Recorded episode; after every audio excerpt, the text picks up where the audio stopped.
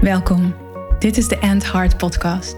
Over leven en leiden vanuit je hart.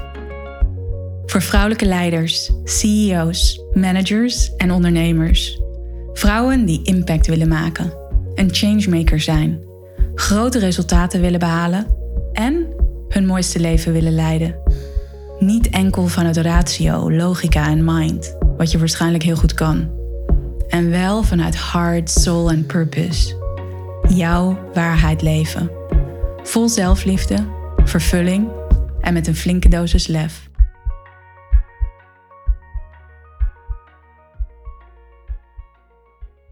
Hey, welkom bij deze nieuwe aflevering van de End Heart podcast.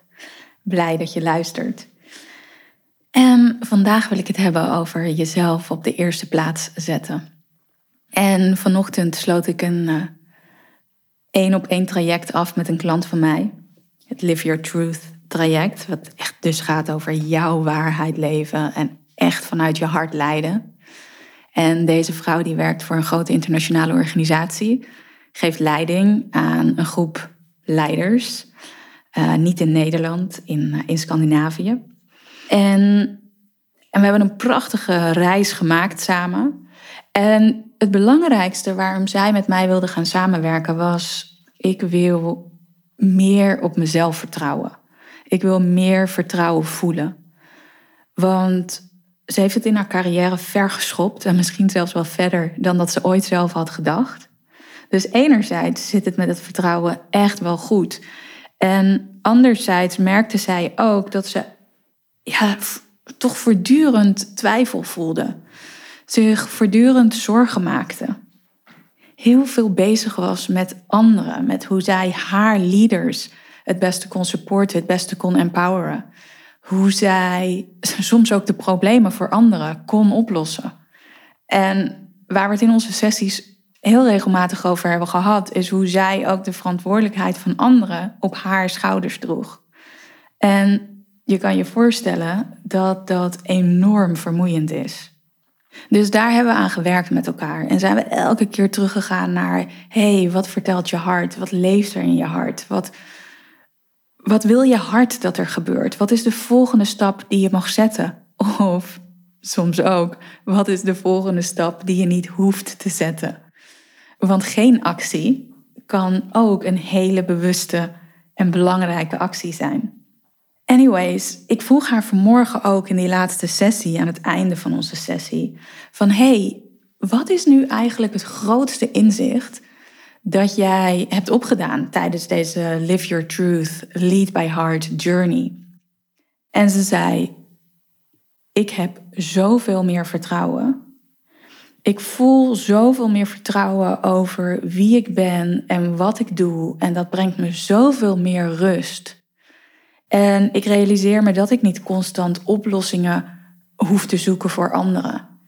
Ik realiseer me dat het vooral belangrijk is voor mij om heel erg bij dat centrum van vertrouwen te blijven. En dat leeft in mijn hart. En toen zei ze iets waarvan ik denk dat dat misschien eigenlijk nog wel belangrijker is. Want ze zei ook: Ik ben me ook gaan realiseren dat het niet egocentrisch is, dat het niet egoïstisch is om tijd voor mezelf te nemen, om echt de aandacht te hebben op mezelf. Zoals bijvoorbeeld het traject dat ik met jou ben aangegaan.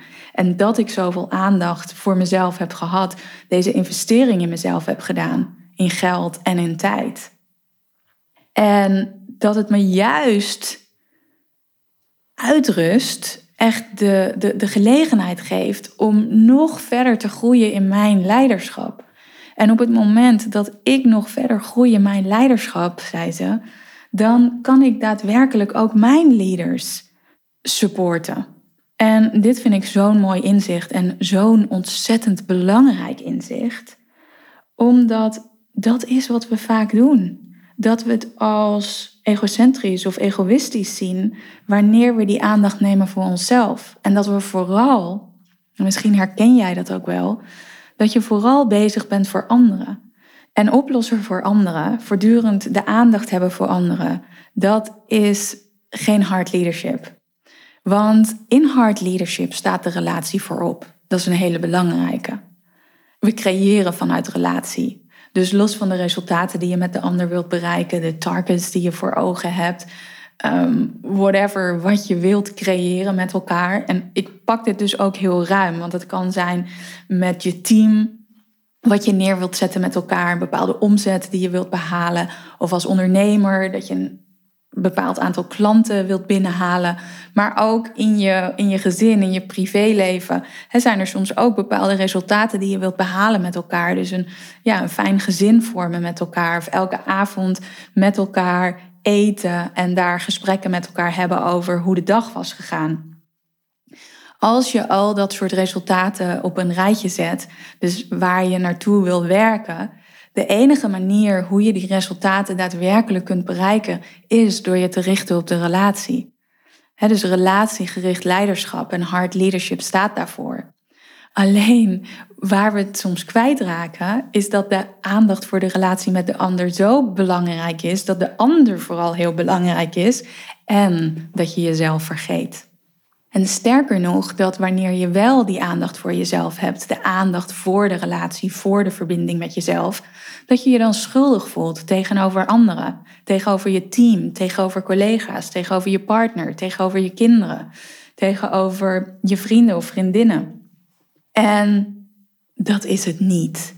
Want jij hebt ruimte nodig om met jezelf te zijn, om die diepere verbinding met jezelf op te zoeken om die diepere lagen in jezelf te ontdekken, om daadwerkelijk connectie te maken met jouw essentie en wat er in jou leeft.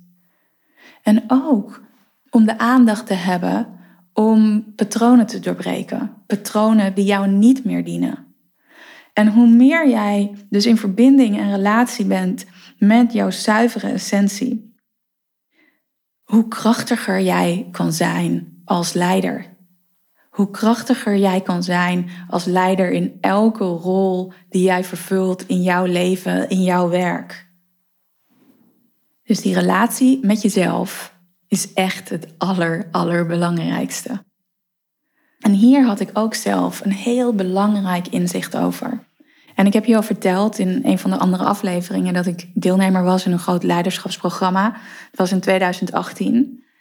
En ook door het werk dat ik doe en dat ik zoveel mensen spreek die ja, andere dingen of andere mensen op nummer één zetten. En niet zozeer zichzelf. En ik realiseerde me dat ik dat eigenlijk ook vaak deed. Dat mijn bedrijf op de eerste plaats kwam. En niet ikzelf. En ik heb zelf geen kinderen of nog geen kinderen. En wat ik ook herken bij mensen om mij heen, bij vrouwen om mij heen, of de vrouwen met wie ik werk die kinderen hebben, dat kinderen op de nummer één komen, op de eerste plek. Uh, of de partner komt op de eerste plek. Hun eigen bedrijf, het bedrijf waarvoor ze werken. En tijdens dat leiderschapsprogramma had ik zo'n inzicht, want we hadden het daarover in een groepsgesprek, in een groepsdiscussie, over welke relatie nou daadwerkelijk het belangrijkste is. En daarin kwam naar voren dat de relatie met jezelf, en zoals ik hier ook in, in deze podcast um, als statement neerzet, dat die relatie met jezelf het meest belangrijke is. Hoe meer vruchtbaar, hoe meer voedend die relatie met jezelf, hoe beter je er ook kan zijn voor de mensen om je heen. Hoe beter je er ook kan zijn voor jouw partner, als je die hebt.